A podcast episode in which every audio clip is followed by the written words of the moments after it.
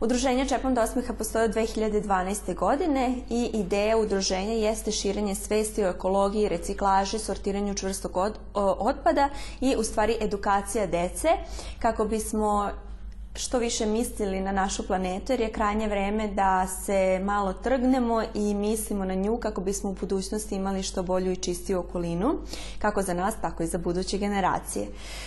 Edukacija dece se vrši u školama, vrtićima, posećujemo, igramo se sa decom, edukujemo ih o reciklaži i ekologiji i onda imamo neke zanimljive ovaj radionice koje, na kojima razgovaramo i učestvujemo sa njima u ovaj e, celim, u celom tom projektu. E, krajnji cilj i ovako jedan šlag na tortu jeste humanost i širenje empatije i e, solidarnosti kod omladinaca, isto tako i kod odraslih, a to je kupovina pomagala, jer sredstva koje se obezbede od reciklaže i prodajom čepova koje otkupljuju reciklažni centri na nivou cele Srbije se usmeravaju na kupovinu pomagala. Do sada je udruženje kupilo 23 pomagala, to su bila razna pomagala u pitanju od elektromotornih invalidskih kolica, prenosivog laptopa za slepe, terapeutskih tricikala, električnih tricikala, elektromotornih invalidskih kolica.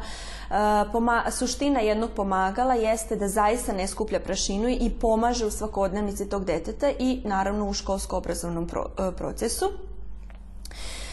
Sve je to jedna pozitivna atmosfera, pozitivno druženje, jer svi volonteri koji svakodnevno dolaze kod nas i koji su uključeni u celoj Srbiji u ovu akciju ulažu u nju svu svoju pozitivnu energiju i sve nas to upravo ispaja, jer taj krajnji rezultat nam daje mnogo motivacije da nastavimo dalje i da širimo ovu priču najbolje što umemo.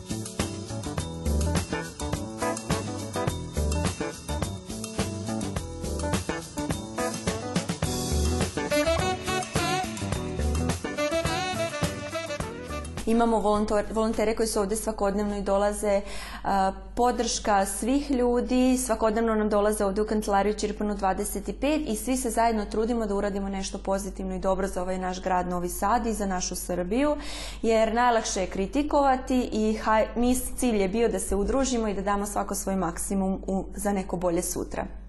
Udruženje Čepom do osmeha sprovodi razne projekte. Neki od onako najbitnijih jesu Kancelarija za manjinske ljudska prava je finansirala projekat e, kako bismo promovisali zapošljavanje osoba sa invaliditetom, upravo tu toleranciju i empatiju prema njima, da su i oni osobe koje, e, koje treba da se uključe u društvo, koje treba da se zapošljavaju, da se iskoristi vreme i da budu korisni i da daju svoj doprinos na svoj način, onaj na koji mogu. Sprovodimo projekat Open sa omladinske predstavnice mladih eh, Novi Sad 2019. gradonačelnik otvara vrata, uključimo se. To je projekat koji poziva sve mlade u gradu Novom Sadu da se uključe, da se upoznaju sa radom gradskih uprava, da kako funkcioniše jedan grad, kome se obratiti ako imamo problem i edukacija njih je nama vrlo bitna zato što će oni danas sutra povesti ovaj grad napred i jako je bitno da se uključe u tu politiku grada kako bismo svi zajedno činili neke promene i nešto da nam bude bolje i lepše nije samo rešenje otići i napustiti, rešenje je potruditi se i dati svoj maksimum.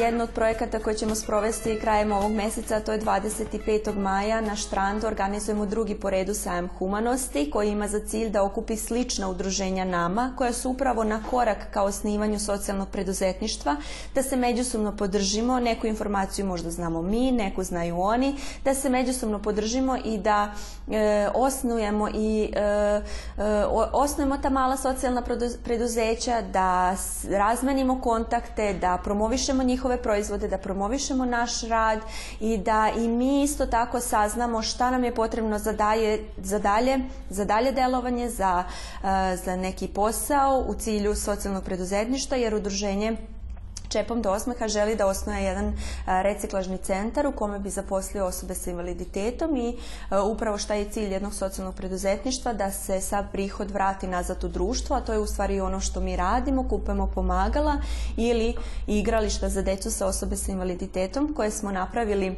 1. juna na Međunarodni dan deteta 2018. godine na našem poznatom kupalištu Štrand i tada sam i ja i ceo moj tim uvedeo koliko je to bitno za tu decu. Imali smo jedno dete iz Kačareva koje je došlo i tata je prišao meni i rekao, on ima 16 godina i to je bio prvi put u životu da se on igrao na tom igralištu jer su sprave upravo prilagođene njima i tada sam shvatila koliko je to bitno i imamo za želju da u svim e, opštinama napravimo bar jedno igralište jer zaista smatramo da su sva deca zaslužila da stvaraju svoje uspomene i, i, i da imaju osmeh na licu i to je misija i vizija ovog udruženja i želja da smo svi jednaki, da današnja deca koja su nekako um, osuđuju se međusobno i ne podržavaju, da to prosto smanjimo koliko je moguće našim primjerom i da na taj način se prosto svi aktiviramo. Saradnja sa udruženjem Filipus traje već dosta dugo, upravo je u tom podržavanju jednih druge. E, jako je bitna ta međusobna saradnja i naravno ovaj, njihovi volonteri sakupljaju čepove, e, sortiraju za nas, na taj način se družimo, međusobno podržavamo.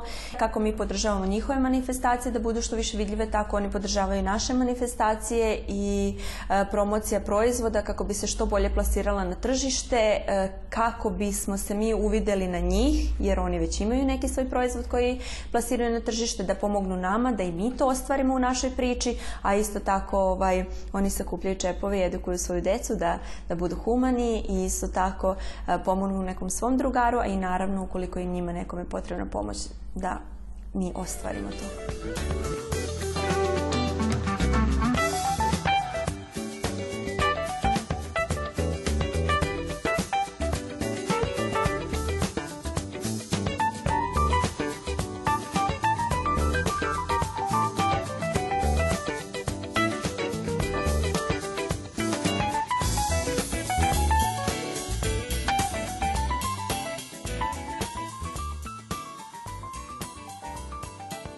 Moje ime je Miljana Papović, od nedavno sam volonter humanitarno-ekološkog udruženja Čepom do osmeha, tako da sam u proteklih nekoliko dana počela da se upoznajem sa aktivnostima koje sprovodi samo udruženje. Jedna od pomenutih aktivnosti upravo je poseta Sodari koja se nalazi u Šajkašu. Tako da ću danas prvi put imati priliku da vidim kako funkcioniše jedno socijalno preduzeće u kome rade osobe sa smetnjama u razvoju. Biće za mene jedno sasvim novo iskustvo s obzirom da ne znam ni kako funkcioniše sam proces proizvodnje sode, tako da se veoma radujem tome.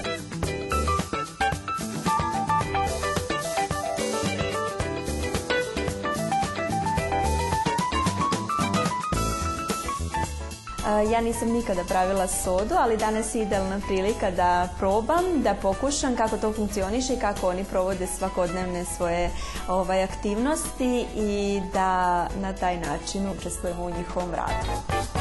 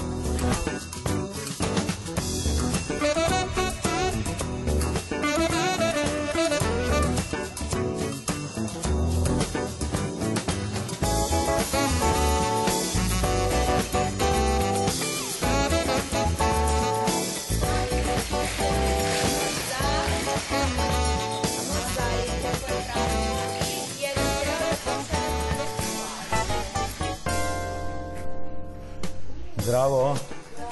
Kako ste? Ste dobro? Je li ide posao?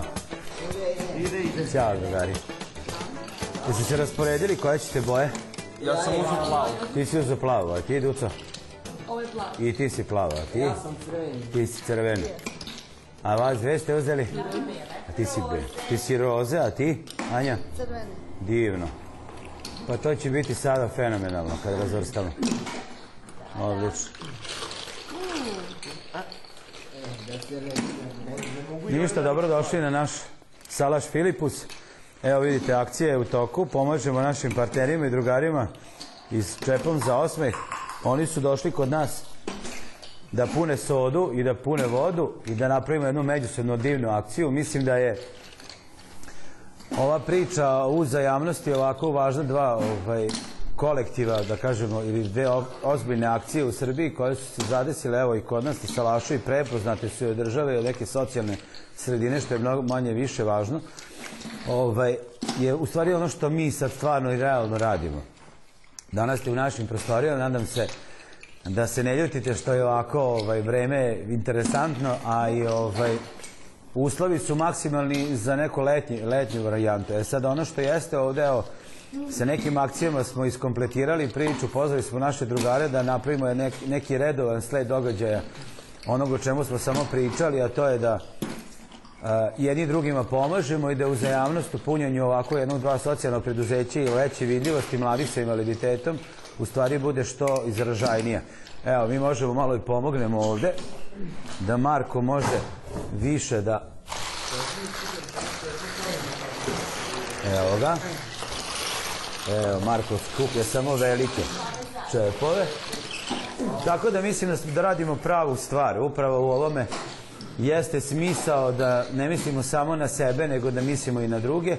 A s druge strane, socijalna angažovanost koja mi u stvari pokušavamo i jedno i drugo preduzeće da uradimo jeste da aktiviramo mlade sa invaliditetom, upravo one koji su na marginama ili iza margina cele priče danas u društvu i da tim radim angažovanjem od dva do tri dana e, nedeljno, izvučemo ih iz porodice, uz osmeh, pesmu, muziku i neku hranu i druženje sa konjima ili sa nekim akcijama i radionicama koje mi imamo i oni uradimo neke lepe domete i u stvari radimo jednu različitu priču od ostalih udruženja. Želimo da budemo u neku ruku ne jedinstveni, nego specifični po tome što radimo nešto što nije kopirano. Skupljanje osmeh čepa, to su oni poznati i hvala im na tome što su i nas ovaj, u cijeloj priči prepoznali, a opet s druge strane pravljanje vode imati proizvoda na socijalnom tržištu ili na samom ekonomskom tržištu, imati svoj proizvod, isto jako velika stvar, a to je vezano za nas. Tako da čep, mi čepimo flaše, ono sve što nam vrate, mi pokušavamo da skupimo zajedno sa njima kroz naše i njihove akcije i da evo ovakvim međusobnim radionicama mnoge stvari zaokružimo.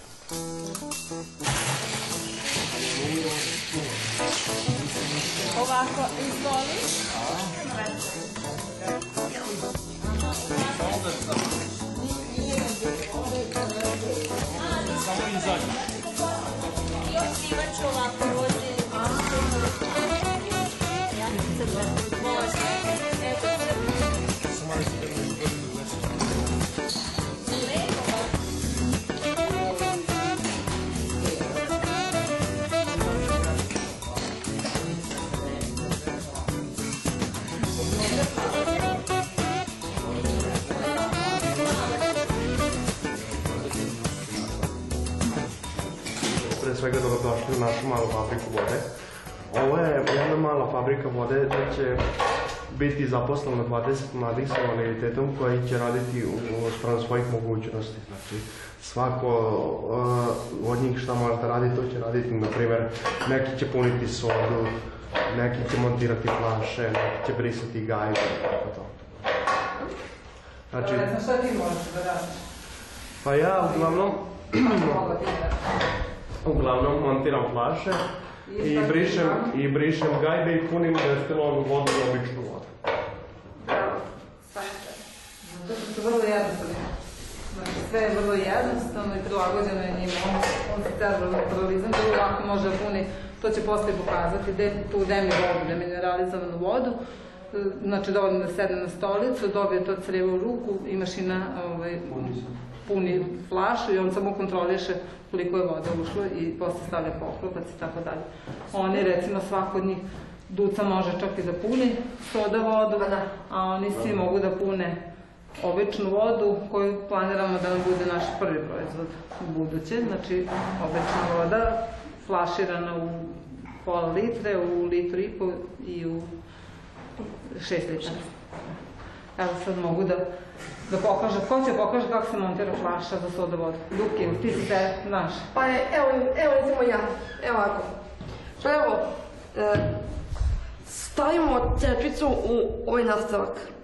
U, I onda un, udarimo jako da je nabijemo ovako.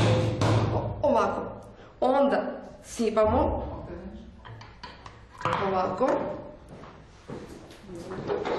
Stavimo simfonijsku u, glavu. Okrenemo je. Ovako. I dobro je. Ovako. I, i ako se mrda znači da je dobra flaša. Navršena flaša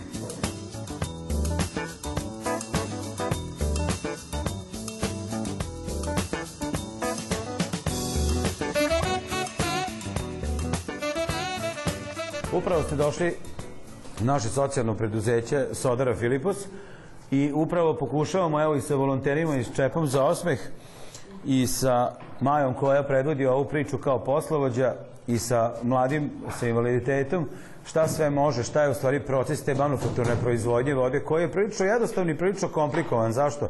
Zato što sve ovo što rade moraju do kraja da spakuju i mora da, da svaka flaša da bude nadgledana od strana human resorta, znači čovjeka koji stoji pored nje, evo kao što devojka iz čepom za osmeh stoji pored Marka i gleda da li je flaša napunjena, ona treba da bude do plavog napunjena skroz, ona je tu kao savjetnik, a mi smo tu da, znači svako dete bukvalno jedan na jedan radi radnju. Evo, druga devojka nadgleda sledeće flaše, vadi tamo iz kese i priprema sledeću flašu. Evo, vidite, odvrnemo, pustimo skroz mlaz.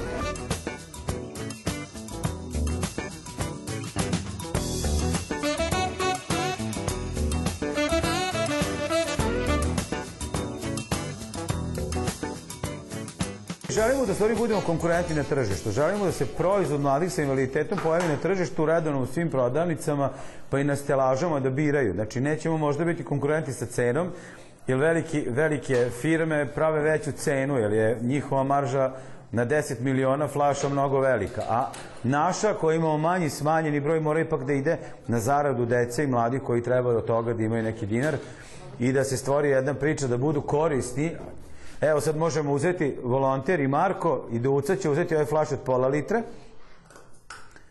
Može i Anja da uzme, može i Marko, mogu oni sami to da uzmu. Tako, dođite ovamo, evo i volonter će prvi i ponesite jedan čep koji ćemo posle na stolu da začepimo, da vam pokažemo proces samo. Znači, sipamo skroz pola litarska flaša, vidite, ona je u stvari uzeli smo tako dimenzirane flaše da mogu upravo ono gde nas najviše zove, to su maratoni, da mogu i da nose flašu i da koriste flašu i da radi dosta je praktično recimo za decu, evo vidite, sad se flaša stavlji na sto, Dobro. ona stavi flašu na sto, drži je fiksiranu i zavrće dok ta plastika ne škljocne, to jest, evo, ona je to uradila, spremna je flaša, treba forsirati jednu gajbicu i to se stavlja u gajbicu.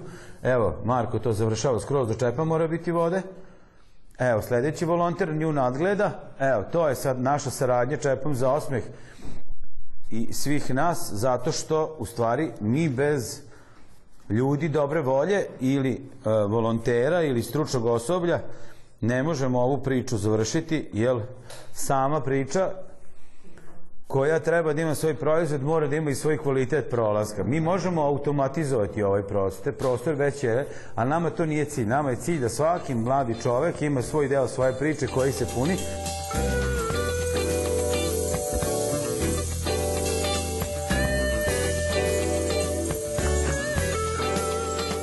Problem je recimo u ovom procesu što je to, ipak smo mi jedna vrsta malog zanatske proizvodnje, znači nismo industrijska proizvodnja nego zanatska, ovako se nekada pre stotinja godina pravilo, radilo i u tome jeste kvalitet naše što zapošljavamo mnogo mladih sa invaliditetom i želja nam je što više njih u procesu stvari učestvuje, a ne da mi pravimo industrijski da to bude mehanička stvar.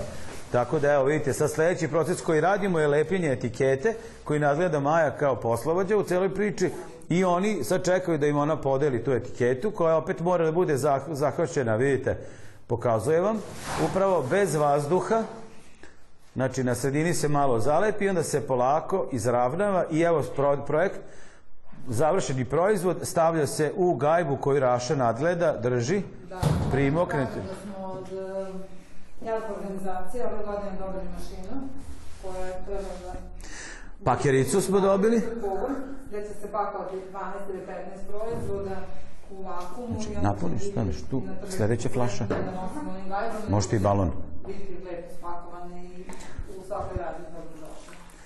Znači, tako da ovim, ovim pozivamo i druge organizacije, druge organizacije i druge ljude dobre volje koji misle da možda naš proizvod može da bude interesantan kao njihova pomoć mladima sa invaliditetom, da dođu, da naruče, da potpišemo ugovor o saradnji i da prosto evo, mi možemo da plasiramo nešto što je vrlo realno, a to je proizvod koje, ja mislim da je voda budućnost i da vodu kao izvorište mi kao Srbije imamo dosta, da treba na ovaj način da napravimo još takvih preduzeća. Mislim da je to prava stvar evo vidite, proces traje, malo su se sad možda malo uplašili kamera, ali u principu to teče, ima svoj tok. Tako da oni, evo, kako završe, tako pakuju, znači već sledeći tamo lepi, evo, sad smo se podelili deca pune, volontijeri lepe i svako je u stvari u, u tom procesu deo jednog lanca da bi imali proizvod. Završna je priča, znači ova naša flaša koja ima etiketu, koja ima naziv, evo možete pogledati. Znači mi se zovemo Filipus, a Filipus znači onaj koji čuva i uči konje i decu zajedno na konjima i mislim da je upravo ovaj praktični proizvod koji je dobar i za ruku i za držanje, praktičan i za nošenje i za bilo šta, može da bude upravo ta povratna ambalaža, a kad ljudi po, završe s našim proizvodom, bacaju čep i skupljamo ga za čepom za osmeh, plastiku nosimo u reciklažu i time hoćemo u stvari podignemo svest ljudi da plastika mora se reciklira, da mora se skuplja, ne treba se razbacuje. Evo, to ćete snimiti posle kad budete izašli, imamo deo velike džambo vreće u kojima ljudi nam donose. U planu nam je sad kroz jedan projekat da napravimo one vozdene mrežne sisteme koji će stvari biti za skupljanje, gde će građanstvo skupljati plastiku i davati nam od koga ćemo mi kupovati novi repromaterijal i pokušati da budemo korisni u jednoj maloj sredini kao što je Šajkaš. Znači, zamislite šta je sada da se to radi u Novom Sadu ili u nekim većim gradovima ili svude u Srbiji da postoji ovaj, da postoji ovaj sistem. Evo vidite, ja mislim da to prođi sa one strane. Ja mislim da je to jedna socijalno odgovorna i društveno odgovorna priča gde mi možemo da u stvari uplostimo mlade sa invaliditetom i time i mi sami da učestvujemo u nekim i dobrotvornim i da kažem akcijama koje pomažu mladima radi veće afirmacije i svega onoga što bi oni trebali u ovom društvu da zavređuju i da budu podržani.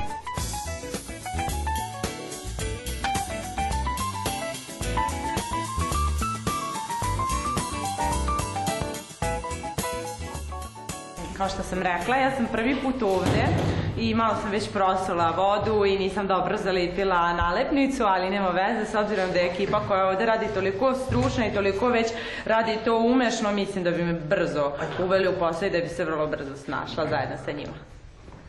Slažem se ovako, angažovanje osoba s invaliditetom je zaista divan primjer da je sve moguće kad ima volje i kad ima pozitivne energije i zato ćemo, evo i mi smo ovde se angažovali i sjajno nam ide ovaj posao i lepljenje i punjenje, tako da svaka čast drugari.